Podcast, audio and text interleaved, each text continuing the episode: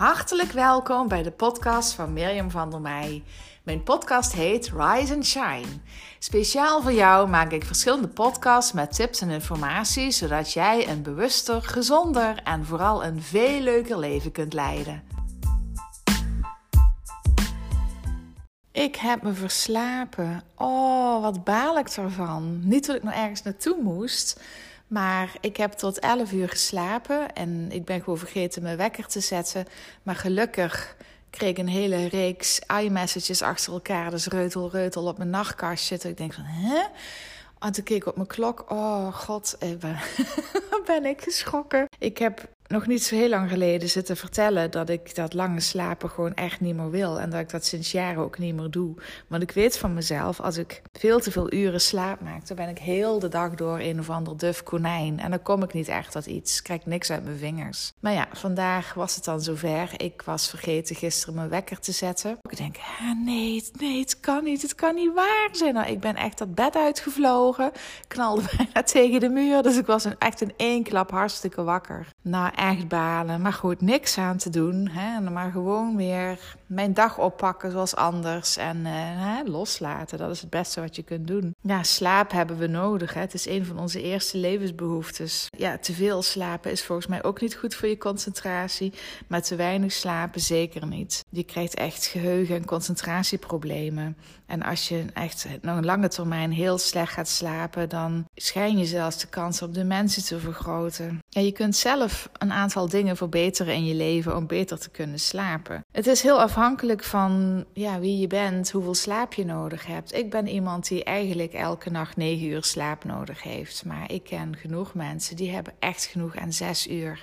En als je ouder wordt, neemt de slaapduur wat af. 90% van de Nederlanders die slapen zo tussen de 7 en 9 uur per nacht. En dan verder is uit onderzoek gebleken dat vrouwen meer slapen dan mannen. Dus wij vrouwen schijnen moeilijker in slaap te komen. Zouden meer moeite hebben met doorslapen. En heel veel vrouwen gebruiken slaapmedicatie. En daar ben ik absoluut geen voorstander van. Slapen is heel goed voor onze hersenen. Een goede kwalitatieve slaap doet heel veel. Wist je dat tijdens de slaap bepaalde hersencellen krimpen en daardoor komt er weer ruimte tussen de cellen? En door die cellen kunnen dan afvalstoffen worden afgevoerd. En je geheugen is toch aan het werk terwijl je slaapt. Je zou eigenlijk denken van niet. Eigenlijk alles wat je overdag hebt meegemaakt, geleerd, alle prikkels, alles wat in je hoofd is gekomen, dat wordt s'nachts verwerkt. En daardoor droom je ook vaak. Onze hersenen hebben echt slaap nodig om goed te blijven functioneren. Het zorgt echt voor het herstel van ons geheugen. Ik heb wel eens horen zeggen dat je hersenen s'nachts worden gewassen, alsof je ze in de wasmachine doet. Ons slaapritme wordt aangestuurd door onze biologische klok. Dat is ons 24-uursritme, daar kun je het beste mee vergelijken. Je hoort ook wel eens met de kippen op stok. En als de zon opgaat, worden die kippen weer wakker en wij ook. Dat is eigenlijk of eigenlijk, dat is zoals wij vroeger, toen we nog oermensen waren, met onze slaap omgingen. Bij zonsondergang gingen we slapen, want we konden niks zien. We hadden geen licht, hè? alleen maar een vuurtje. En als de zon opging, werden we wakker, gingen we jagen gaan verzamelen. Het deel van de hersenen dat dat aanstuurt is de hypothalamus. Iedereen heeft zijn eigen biologische klok. Door die biologische klok hebben wij mensen ook zoveel last van ploegendiensten. Want heel jouw ritme is in één klap door elkaar geschud. En bij verre reizen merk je het ook. We noemen dat dan een jetlag. Dat wij dat zo merken komt door het hormoon melatonine. Dat is wel het slaaphormoon genoemd. Dat wordt gemaakt door de epifyse, vlakbij de hypothalamus. Ja, goed, leuk om te weten. En met name door als het licht afneemt, dan wordt er meer melatonine aangemaakt. En als ik je dat vertel, dan is het ook logisch dat als jij s'avonds nog tot lang en laat op je telefoon zit te mappen en jij nog actief bent op je laptop of je iPad, tablet of je kijkt tot heel laat tv, dat is een volle bak licht in je gezicht. En jouw hersenen blijven actief. Die denken, oh het is nog dag, we zijn nog wakker, de zon is nog op. Ik noemde het al even, er zijn een aantal dingen die onze slaap beïnvloeden. Ik kan nog een paar tips met je doornemen. Nou, begin maar in je slaapkamer. Zorg voor een rustige en donkere slaapkamer. En zorg ervoor dat die kamer er alleen maar voor is om te slapen. Dus geen bureautjes, geen gezellige zitjes, geen tv. Echt alleen maar slapen. En laat je beeldschermen en je telefoon en weet ik veel wat, dus ook weg uit die slaapkamer. Wat ook heel belangrijk is, is dat je een uur van tevoren, voordat je gaat slapen, ontspannen activiteiten doet. En je telefoon, tablet, laptop, oh, daar hoort er gewoon allemaal niet bij. En wat je ook kan helpen is door overdag geen dutjes te doen. Hoewel een middagdutje, de siesta, eigenlijk heel goed voor ons is, merk je dat terug in je slaap. Wat ook heel helpend is, is een vaste structuur. Ga op een vast tijdstip slapen en sta op een vast tijdstip op. Nou, verder is sporten heel goed voor jou om je te helpen slapen. Niet voordat je gaat slapen, want dan word je juist weer heel alert en dan kom je weer moeilijk in slaap. Wat ook een uh, belangrijk is, en mogelijk weet je dat al, cafeïne. Dus drink eigenlijk smiddags na drie uur geen koffie meer als je er gevoelig voor bent. En beperk je alcohol. Want het lijkt dat je in het begin van alcohol slaperig wordt, maar uiteindelijk is dat wel een boosdoener die jou wakker houdt of wakker maakt s'nachts. En geen zware maaltijden voordat je gaat slapen, want dan is jouw lijf actief bezig met verteren en dat kan je ook echt wakker houden. Hoe lig jij s'nachts in je bed? Ben jij een typische rugligger of lig je op je zij? Ik weet van mezelf dat ik altijd begin op mijn linkerzij. En dan merk ik dat ik echt heel slaperig word. Dan draai ik nog even heel snel op mijn rug. En inslapen doe ik op mijn rechterzij. Ja, en dan s'nachts dan draai ik nog wel een beetje. Draai ik veel te veel, dan draai ik mezelf wakker. En dan heb ik echt een hele onrustige nacht. Als je op je zij ligt, is het wel heel belangrijk dat je je hoofd niet te hoog en niet te laag gaat leggen. Het is eigenlijk de bedoeling dat als je een lijn zou trekken vanaf je hoofd, zo door je rug heen naar je billen, dat dat één rechte lijn geeft in je wervelkolom. Heb je hele brede schouders, dan is het lastig om op je zij te liggen. En kijk goed ook met je hoofdkussen. Wat ik al zei, niet te dik en ook weer niet te dun. Maar de rugligging is het eigenlijk bijna eenzelfde verhaal. Je kussen dient niet te dik en niet te dun te zijn. Het dient je goed te steunen in je nek. En ook weer niet onder je schouders te liggen. Want dan krijg je ook weer krommingen in je, in je wervelkolom. En dat is niet de bedoeling. En dan zijn er ook nog mensen die liggen op hun buik. Ik slaap echt nooit op mijn buik. Een buikligging is eigenlijk niet zo geweldig voor je wervelkolom en je nek, want het, ja, het belast jouw nek en wervelkolom door zo te liggen. Dit komt doordat je een draaiing maakt met je hoofd. Je hoofd ligt links of rechts en natuurlijk niet recht in je kussen, want dan krijg je geen lucht. Doordat je zo'n rotatie maakt in je nek, krijg je vaak nek- en hoofdpijn hierdoor. Als je dan eindelijk goed ligt en je eindelijk in slaap valt, dan ga je verschillende slaapfases door. Je slaap heeft echt een soort vaste volgorde. Die begint natuurlijk uh, met de fase tussen het wakker zijn en gaan slapen. Dat eerste slaapstadium noemen ze ook wel de NREM-slaap. En dit stadium duurt uh, drie tot vijf minuten. Je lichaamstemperatuur daalt en je spieren ontspannen. Ik voel dat inderdaad heel vaak voordat ik ga slapen. Ik krijg het dan ineens zo koud. En tijdens dit stadium heb je langzame oogbewegingen. Dat noemen ze ook wel de slow eye movement of SEM, hoe je het maar noemen wil. En waarschijnlijk ken je dat gevoel ook wel als je nog wakker bent voordat je gaat slapen. Dat je eigenlijk al merkt dat je ogen zo wegdraaien en dat je moeite hebt om je ogen open te houden. Daar gaat dit over. Als je dan gaat slapen, dan doen jouw ogen dat ook. En het kan ook wel eens zijn dat je een soort schok voelt. Ik heb ook wel eens gedroomd in het begin, voordat ik ging slapen, dat ik van een schommel viel. Dat, is, uh, dat heeft daarmee te maken. Dat is een slaapstuip. En dat is eigenlijk de aanpassing van je spieren, van je armen en of je benen. En dan ben je toch even helemaal wakker. Daarna kom je pas in een diepere slaap. Dat is het tweede slaapstadium. Die duurt ongeveer 30, 40 minuten. In deze fase slaap je het meeste. En dit is ook het begin van je echte slaap. En je wordt dan ook niet meer zo heel makkelijk wakker. Wat je in het eerste stadium wel nog had. Dan krijg je fase 3 en 4, die worden eigenlijk als één gekeken. In deze fase ben je echt ontspannen, heel moeilijk wakker te krijgen. Ik roep ook wel eens: je kunt rustig een bom naast mijn bed afgaan. Ik slaap gewoon door.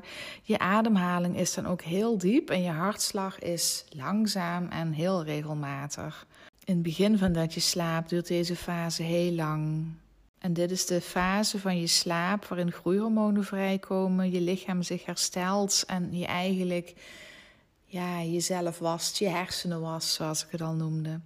Ja, als je ouder wordt, dan worden jouw slaapfases korter en lichter. Eigenlijk ga je moeilijker slapen als je ouder wordt. En vervolgens kom je in de remslaap. En dat is de fase dat je droomt in je slaap.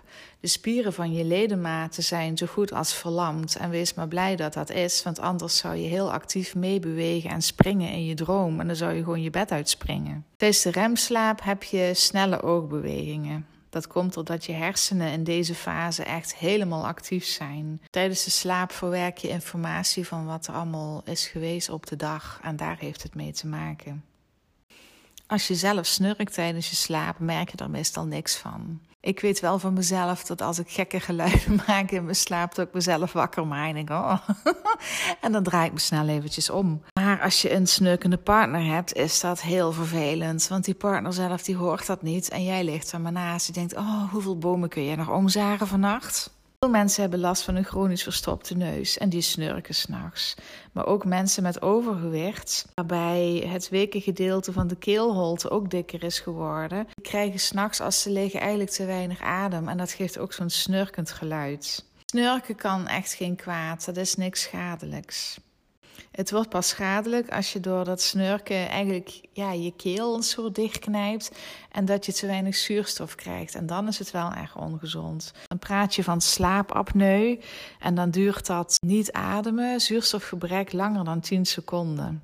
Per uur meer dan 10 van dit soort uh, apneumomenten optreden, dan heb je echt het slaapapneu-syndroom. Wat een woord. Mensen die dat hebben, die zijn ochtends compleet afgedraaid, hartstikke moe, want ze slapen heel slecht en het tekort aan zuurstof doet heel veel nadeligs met je hersenen. Te weinig slapen wordt in verband gebracht met gewichtstoename. Dat heeft alles te maken met al die chemische processen die gebeuren in onze hersenen als we slapen. En de boosdoeners hierin zijn twee hormonen, leptine en ghreline. En die zijn ervoor om je eetlust te reguleren. Wat er gebeurt als je te weinig slaap hebt gehad, dan worden die twee hormonen eigenlijk verstoord. Ghreline in te grote hoeveelheden, wat ontstaat als je te weinig slaapt, gaat vermoeidheid zien als een signaal om meer energiek voedsel te gaan eten. Vandaar als je moe bent dat je vreedbuien krijgt. Leptine krijg je dan juist weer te weinig van. En leptine heb je nodig om te registreren of je vol bent als je hebt gegeten. Dus heb je dat te weinig, ga je je overeten. En door moeheid krijg je dus vreedbuien en je hebt geen idee meer wanneer je vol zit. Je komt in een soort visieuze cirkel terecht. Je hebt dus slecht slapen, je hebt dus die verstoorde hormoonbalans, je krijgt meer eetlust en je voelt niet meer wanneer je vol bent, je wordt dikker, je wordt moe en somber en daardoor ga je weer slecht slapen en je hebt weer de verstoorde hormoonbalans en zo ga je door. En je kunt het alleen maar gaan doorbreken door jezelf een halt toe te roepen met je vreedbuien. Dat is stap 1. En weer ervoor te gaan zorgen dat je een gestructureerde slaappatroon gaat opbouwen. Uit onderzoek is gebleken dat als we als volwassenen minder dan vijf uur per nacht slapen, dat we anderhalf keer meer kans hebben om dik te worden dan iemand die de zeven tot acht uur slaap per nacht krijgt. Heb je eigenlijk een partner of een leuk vriendje, vriendinnetje waarmee je s'nachts samen slaapt. Ik wil nog iets met je delen. Er is een Brits onderzoek dat aangeeft dat het samen slapen in één bed, dat dat helemaal niet goed is voor je nachtrust. Het zou je zelfs twee uur van jouw slaap kosten. Komt doordat die partner jou eigenlijk heel veel wakker kan houden. ik heb het snurken al genoemd, maar ook als jouw partner zich omdraait en hij trekt je dekbed mee, word jij wakker. Of hij doet je of zij duwt je naar de rand van je bed. Tandenknars is ook nog iets. Ga maar eens naast iemand proberen te slapen die dat doet. En dan zijn er ook nog heel veel mensen die praten in hun slaap. Of slaapwandelen. En nou, ga maar door. Je kunt allerlei geluiden maken terwijl je slaapt. En die ander, of jij wordt er dus wakker van. Er zijn dus best heel veel stelletjes die s'nachts apart slapen. Ja, ik vind het super ongezellig. Ik kan me heel goed voorstellen dat als je een s'nachts drukke partner hebt die jou wakker houdt, dat je er toch wel echt over denkt om voor s'nachts een eigen slaapkamer te gaan inrichten. Weet je van jezelf dat je s'nachts heel veel wakker bent, moeilijk in kunt slapen en dat je echt zo langzaamaan totaal begint in te storten van ellende. Ja, dat klinkt heel dramatisch, maar eigenlijk is het dat ook.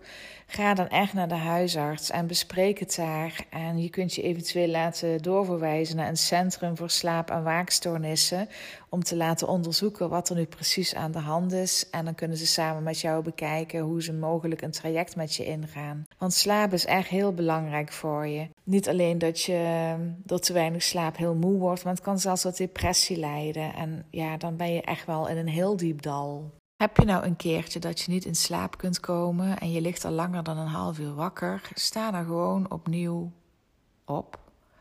En ga iets warms drinken. Warme melk met anijs. Dat deed mijn oma al vroeger. Of neem een rustgevende warme douche, zodat je even lekker opwarmt. Dat helpt vaak uh, met het in slaap vallen. Of doe een ontspanningsoefening. Ik gebruik zelf de bodyscan. Dat houdt in dat je in een ja, fijne houding is dan toch het beste op je rug gaat liggen in bed. Je maakt ook uh, je bedpartner niet wakker hiermee. En je probeert eerst van tevoren al zoveel mogelijk te ontspannen. En dan ga je vanaf je tenen, ga je stuk voor stuk bepaalde spiergroepen aanspannen en ontspannen. Je begint bijvoorbeeld met je voeten, je tenen, die trek je eerst aan. Die hou je gespannen drie seconden aan. En dat laat je los drie seconden. En dan ga je proberen met je enkels, probeer daar spanning op te zetten, drie tellen. En dat laat je los. Ook drie tellen. En dan ga je naar je kuiten. Drie tellen aanspannen en drie tellen los. Of iets langer. Kijk gewoon wat voor jou een fijn ritme is. En zo werk je heel je lijf af. Vergeet je armen en je handen niet. En neem ook je hoofd mee. Dus trek je ook op het laatst je gezicht in een bepaalde gespannen houding en laat het los. En heel vaak merk je, al terwijl je dit aan het doen bent, dat je zo ontspannen raakt dat je toch in slaap valt. Of nadat je je hele lijf hebt afgelopen op die manier. En dat heb je nodig om in slaap te vallen sommige mensen ook helpt, is om bepaald, een bepaald olietje in de slaapkamer te zetten. Ja, wat vind je heel lekker en rustgevend ruiken? Het is natuurlijk ook weer van belang, wat vindt jouw uh, partner in bed daarvan? Maar ja, slaap je alleen, heb je het lekker voor jezelf uit te zoeken. En ja, slaapmiddelen, nee doe het niet. Het is vaak verslavend. Het uh, helpt van korte duur. Het is wel belangrijk dat je oplet dat je genoeg magnesium gewoon krijgt in je hele leven. Dus misschien is dat een idee om een keer een supplement met magnesium te gaan gebruiken. En ga dan naar een goede winkel, geen kruidvat of een ethos, maar naar een gezondheidswinkel. Die kunnen jou daar ook heel goed advies over geven wat je nodig hebt. En is mijn verhaal over slaap lekker slaapvoorwekkend? Als je merkt dat dat zo is, kun je het beste nog een keer luisteren voordat je gaat slapen. En aan de andere kant hoop ik dat jij weer tips hebt gekregen om een goed slaapritme te bouwen voor jezelf. En zodat jij morgen vroeg lekker uitgerust wakker wordt. Dat je goed kunt concentreren, dat je het gevoel hebt, oeh, mijn hersenen zijn weer fris. En dat je fris en fruitig en vol energie aan je dag kunt beginnen.